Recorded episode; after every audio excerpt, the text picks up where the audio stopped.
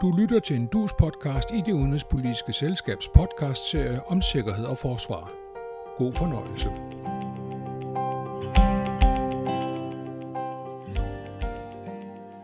Russia's uh, considerable military buildup is unjustified, unexplained, and deeply concerning. Rusland samler store militære styrker ved grænsen til Ukraine, de største siden 2014. Det er dybt bekymrende, helt grundløst og uden nogen forklaring, siger NATO's generalsekretær Jens Stoltenberg efter møder med Ukraines udenrigsminister Kuleba. Rusland må stoppe opbygningen straks, siger han også. Men hvad kan få præsident Putin til at ændre kurs, og hvem kan få ham til det? Det taler vi om i denne DUS podcast i serien om sikkerhed og forsvar. Dagens gæst er lektor på Forsvarsakademiet og tidligere dansk forsvarsattaché i Ukraine, Claus Mathisen. Med os er også vores faste DUS podcaster, journalist Tage Bagmand. Velkommen til jer begge, og velkommen til alle, der lytter med. Jeg er Charlotte Flint Petersen, direktør i det udenrigspolitiske selskab. It gathers troops in three directions in the northeast of Ukraine, in Crimea, in the south, and Donbass in the east. Rusland bygger store militære styrker op mod nord, øst, øst og syd langs grænsen i øh, til Ukraine, sagde Ukraines udenrigsminister Dmitry Kuleba for nylig i NATO, hvor han diskuterede krisen i den særlige NATO-Ukraine-kommission. Claus, hvad er det egentlig, der konkret foregår? Hvad er det, Rusland har gang i lige i nærheden af Ukraine?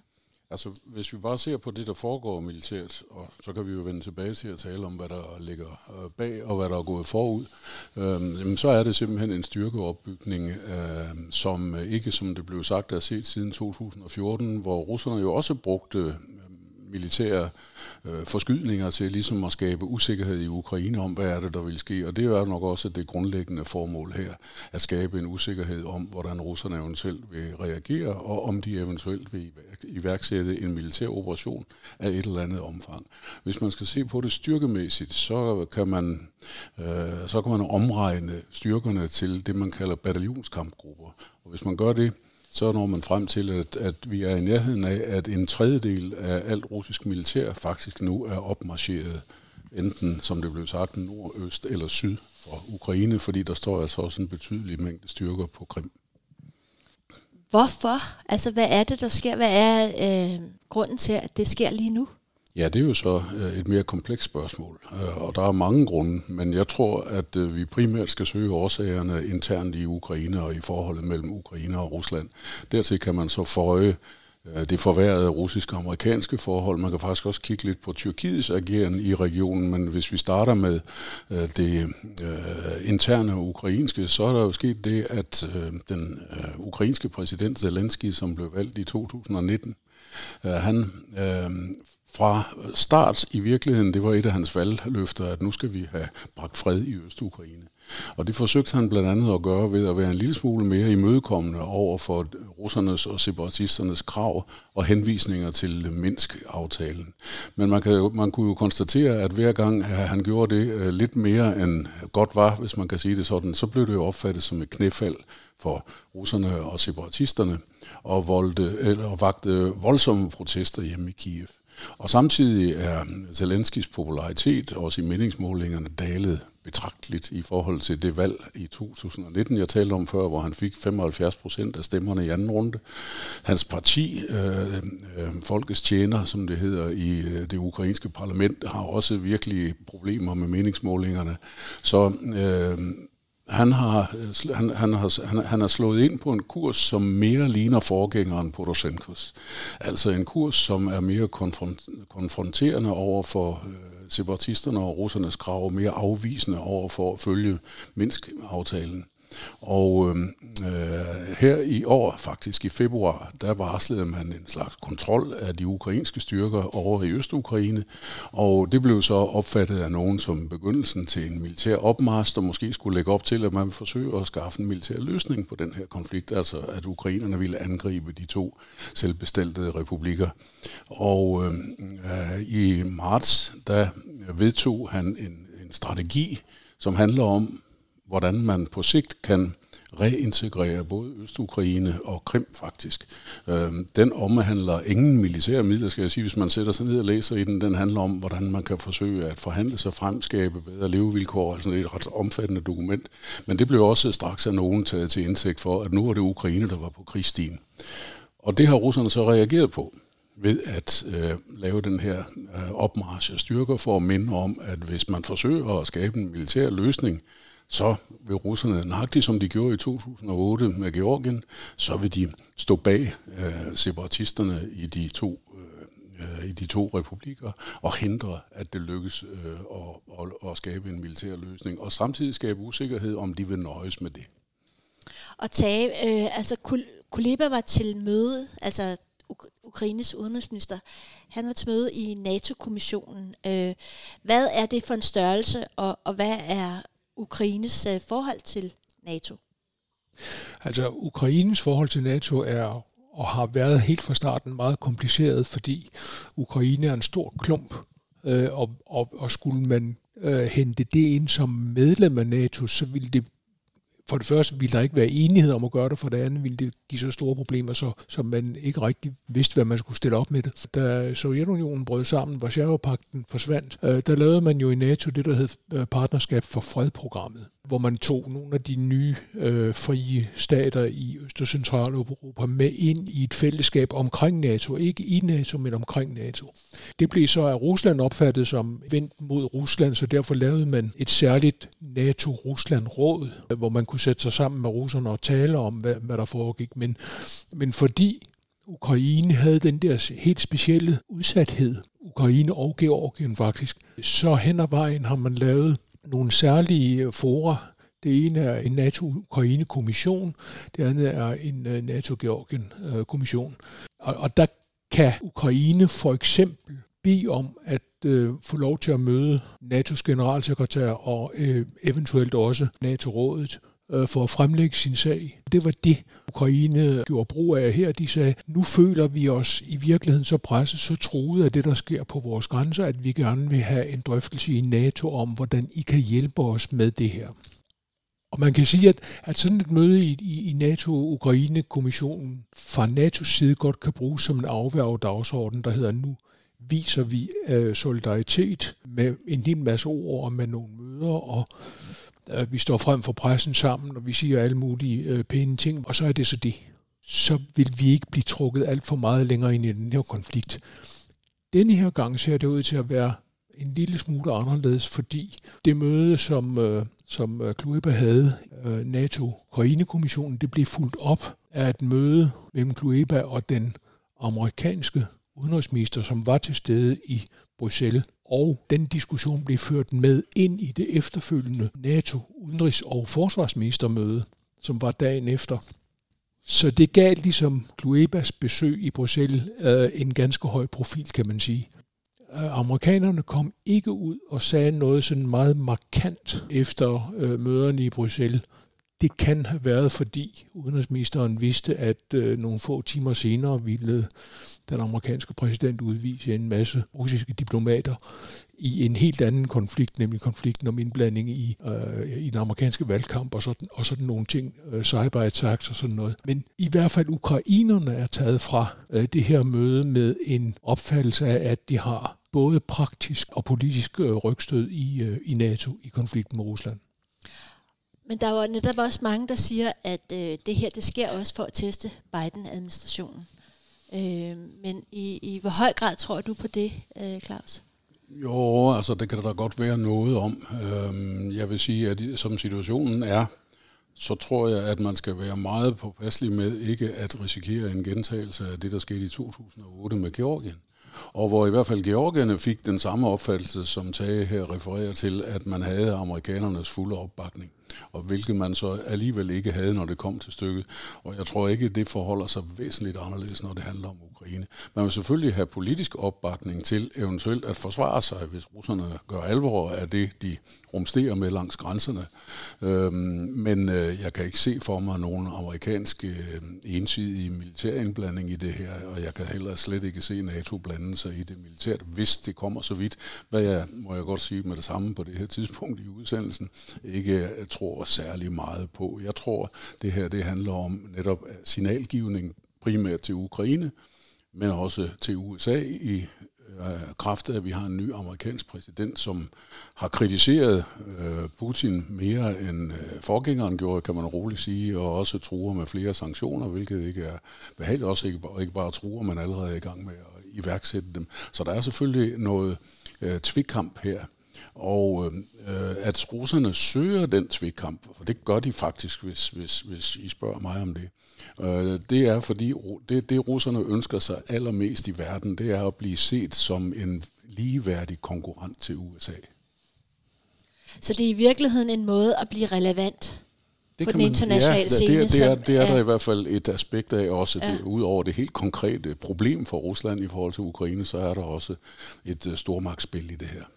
Men der er jo også de her 400.000 russiske statsborgere i området, eller er det ikke 400.000? Eller ja, det, det, det, det er lidt forskelligt, hvordan. Altså i princippet er de jo som udgangspunkt ukrainske statsborgere, hvis vi taler om Øst-Ukraine. Og øh, så er der så nogle af dem, der i mellemtiden har fået et russisk statsborgerskab også. Og hvor mange, der har fået det, jeg synes, jeg så et tal på omkring 15-20 procent.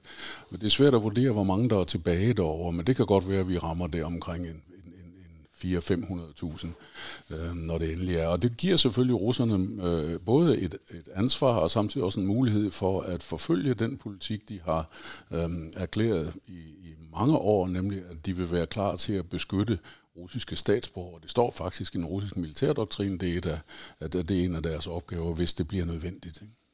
Hvis jeg lige må vende tilbage til, hvad NATO gør og ikke gør, så har man jo skruet op for, for intensiteten i samarbejdet ved at, at øh, udnævne Ukraine til at være det, der hedder Enhanced Opportunity Partner. Det er et program, som, øh, som skal hjælpe med simpelthen at, øh, at øh, styrke landets egen øh, kampkraft og forsvarskraft. Og, og det er en hel masse praktiske øh, programmer, man kan sætte i gang.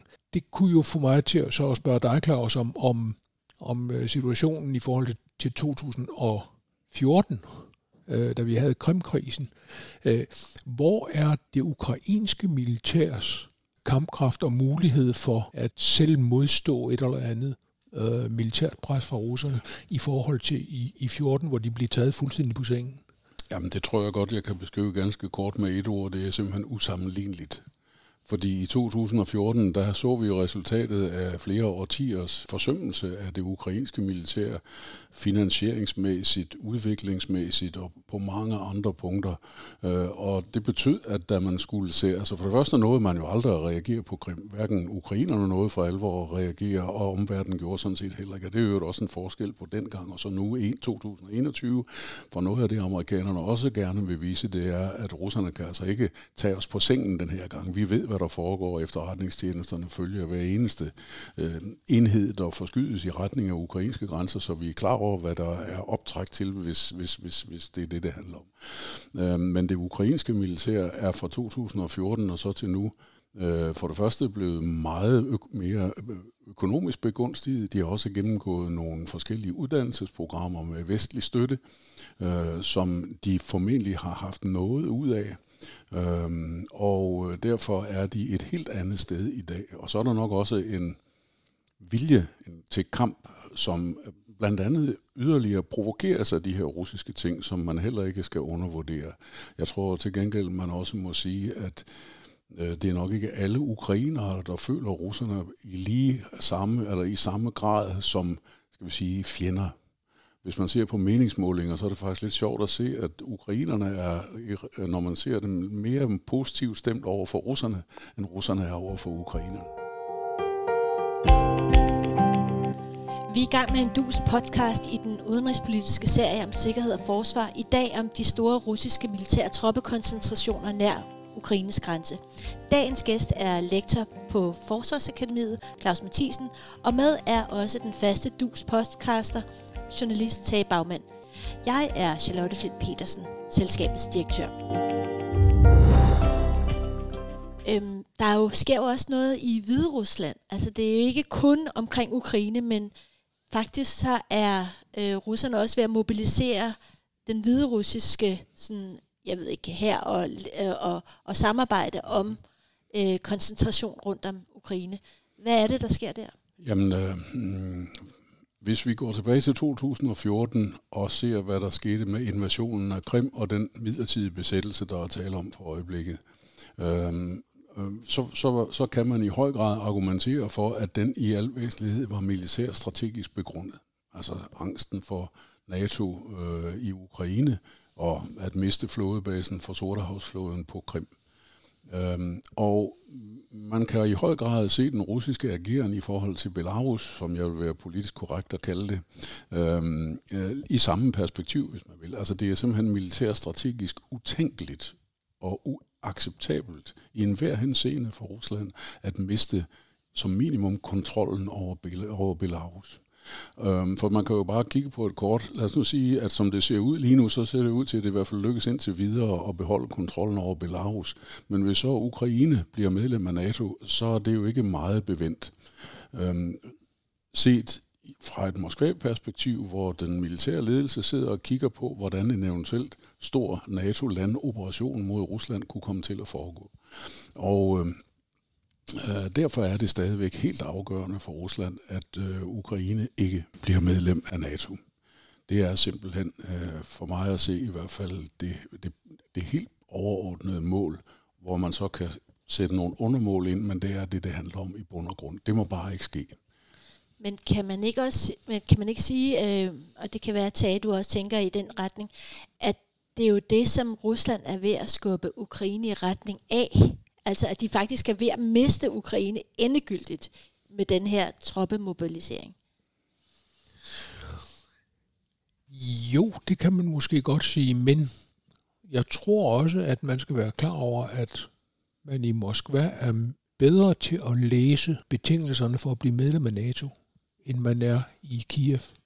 Russerne ved, at så længe de kan holde en konflikt i gang i grænseområderne, så længe de kan give det udseende eller reelt øh, sørge for, at, at øh, regeringen i Kiev ikke har den de facto kontrol med hele det ukrainske område, så længe øh, konflikten mellem russere og ukrainer ikke er løst internt i, i Ukraine, så strider alt det her imod de øh, kriterier, man har for optagelse af medlemmer i NATO. Man skal have en hel masse ting på plads, øh, praktisk selvfølgelig, men så skal man have øh, civil kontrol med sit militær, man skal have de facto kontrol med sit område, man skal have ro ved sine grænser, øh, og man skal have ordnet forhold til sine min, øh, mindretal.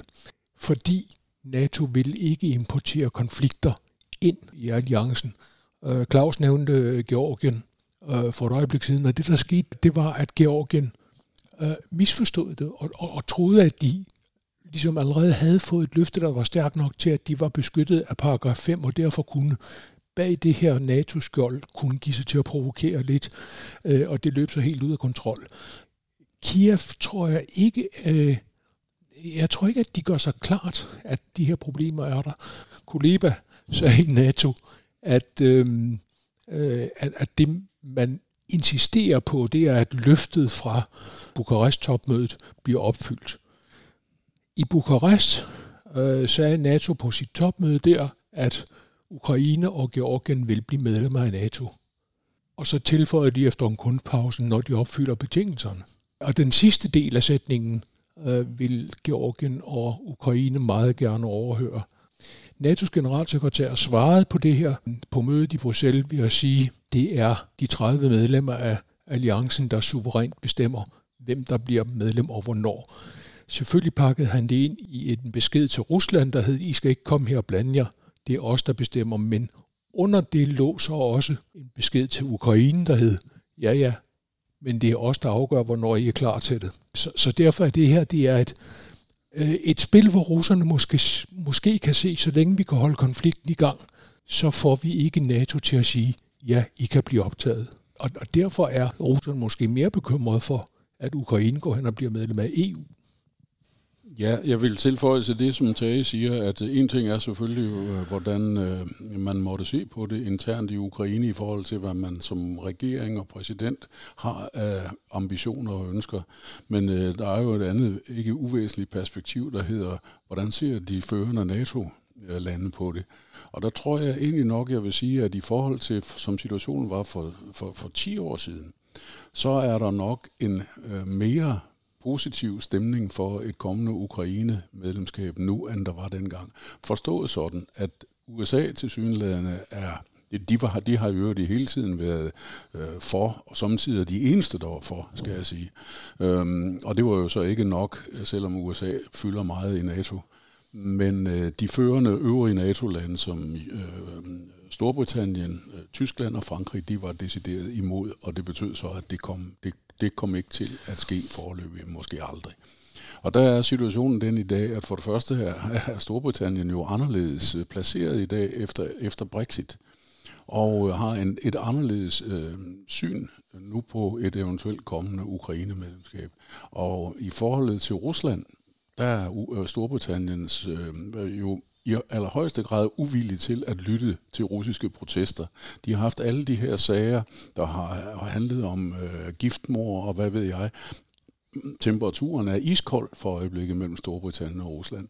Og det er den faktisk også mellem Frankrig og Rusland. Frankrig har I øh, sådan, sige, sådan ført en måske lidt overfladisk, venlig til tider politik over for Rusland, men i bund og grund, øh, så er det ikke det, man går mest op i. Og Tyskland, selv Tyskland, som er klart den mest pro-russiske europæiske stat, både i EU-sammenhæng og NATO-sammenhæng, er ved at være godt træt af, af, af Rusland. Øh, vi har jo den her sag omkring øh, øh, som jeg plejer at kalde den, Nord Stream 2, for at understrege, at det er altså et russisk-tysk projekt, og ikke et internationalt projekt i normal forstand.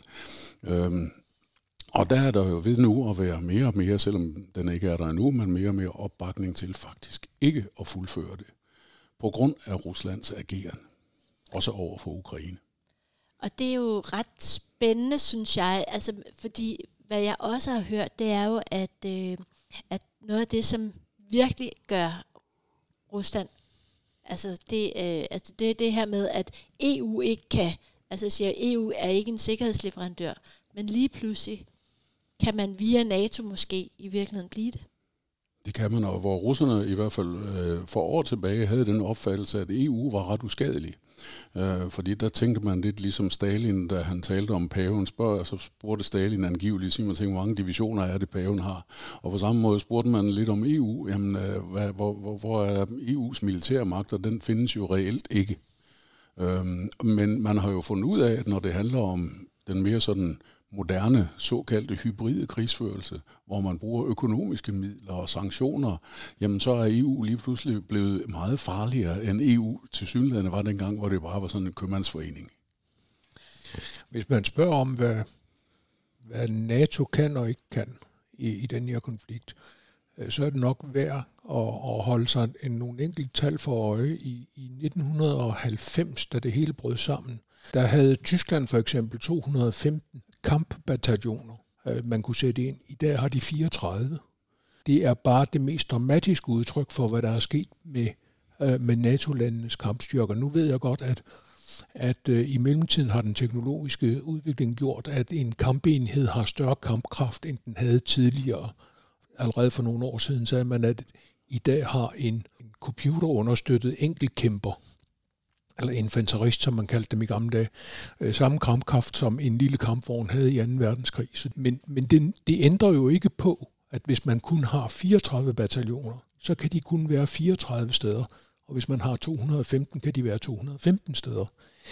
Øh, amerikanerne havde, øh, hvis man laver den samme sammenligning, så havde amerikanerne 99 kampbataljoner i Europa i 90, øh, og i dag, der har de 16 det er også noget, man selvfølgelig holder øje med i, øh, i, øh, i, i Moskva, og spørger sig selv, hvad, hvad kan de i virkeligheden, når det kommer til stykket? Øh, hvor meget, hvor lidt kan de? De gør allerede noget. Øh, der er nemlig et lille hjørne af det her, vi har overset, nemlig Sortehavet, hvor Ukraine også er ganske bekymret for, hvad øh, russerne ligger og laver i Sortehavet. Og der har NATO altså sendt øh, nogle øh, overlovsfartøjer, eller øh, krigsskibe, kan vi kalde dem, ind i Sortehavet for at demonstrere, at de også er på vagt der. Uh, nu uh, nævnte Tage Sortehavsregionen, og som selvfølgelig er vigtig i det her perspektiv. Uh, vi har Georgien liggende, og vi har Ukraine liggende, og Rusland uh, ligger også, og der ligger også NATO-lande, og der ligger Tyrkiet. En interessant udvikling var jo den konflikt og krig, der fandt sted i efteråret sidste år, og hvor det jo faktisk lykkedes Azerbaijan med tyrkisk militær støtte at løse sit territoriale udstående med Armenien, nemlig spørgsmålet omkring Nagorno-Karabakh og områderne rundt om det, ved brug af militær magt. Og det fik selvfølgelig også nogen i Ukraine til at tænke, at vide, om vi ikke også kunne gøre det. Øhm, og det har nok også ligget lidt i luften, at øh, det på en eller anden måde var lidt mere nærliggende, og har selvfølgelig også skabt bekymring både i øh, de selvbestaltede republikker i Øst-Ukraine og måske også i, i Rusland. Men øh, især har det måske i et overordnet perspektiv for Rusland vagt bekymring at se Tyrkiet pludselig som det var i 1700-tallet, 1800-tallet, den primære stormagtsrival i syd, ligesom blande sig mere og mere, komme mere og mere ind, både på banen i Sydkaukasus og for så vidt også i form af øh, støtte til Ukraine. Tyrkiet har ikke accepteret øh, annekteringen af Krim. Det er der i øvrigt ikke ret mange, der har, men Tyrkiet har heller ikke. Derfor er den her alliance Rusland-Tyrkiet, man ser i flere sammenhæng, den er meget, meget overfladisk. Nedenunder, der gemmer der sig store, store modsætninger, og Rusland ser med stor bekymring på, at Tyrkiet blander sig mere og mere.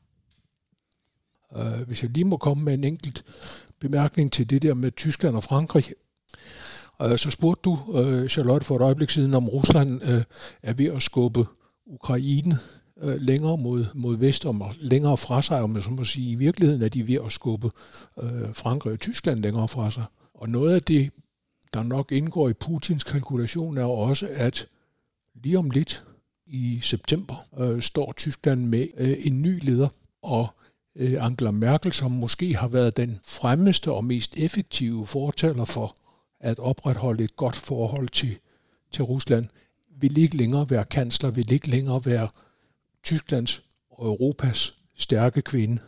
Øh, der vil være en anden, som vi ikke rigtig ved noget om endnu.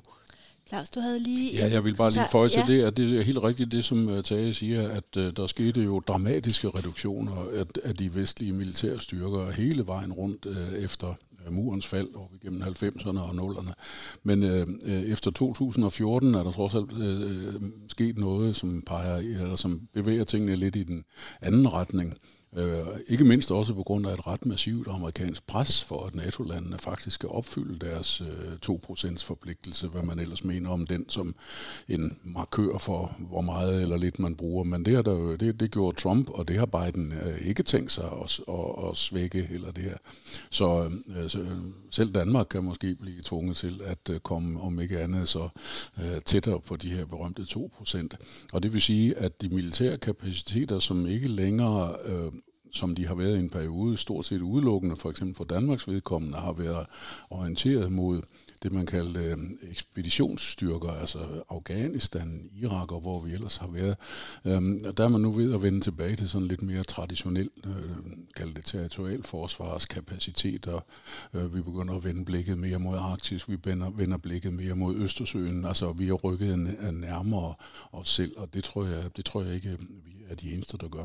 I forbindelse med NATO-spørgsmålet, som jo er centralt placeret i det her, i den her diskussion om Ukraine, ja, så, så, så må vi jo ikke glemme, at øh, der er også noget, der hedder om Ukraine, den ukrainske befolkning selv er interesseret i det.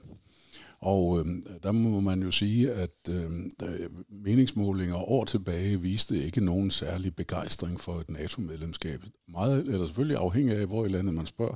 For en anden ting, vi heller ikke må glemme i diskussionen om Ukraine, det er de regionale forskelle.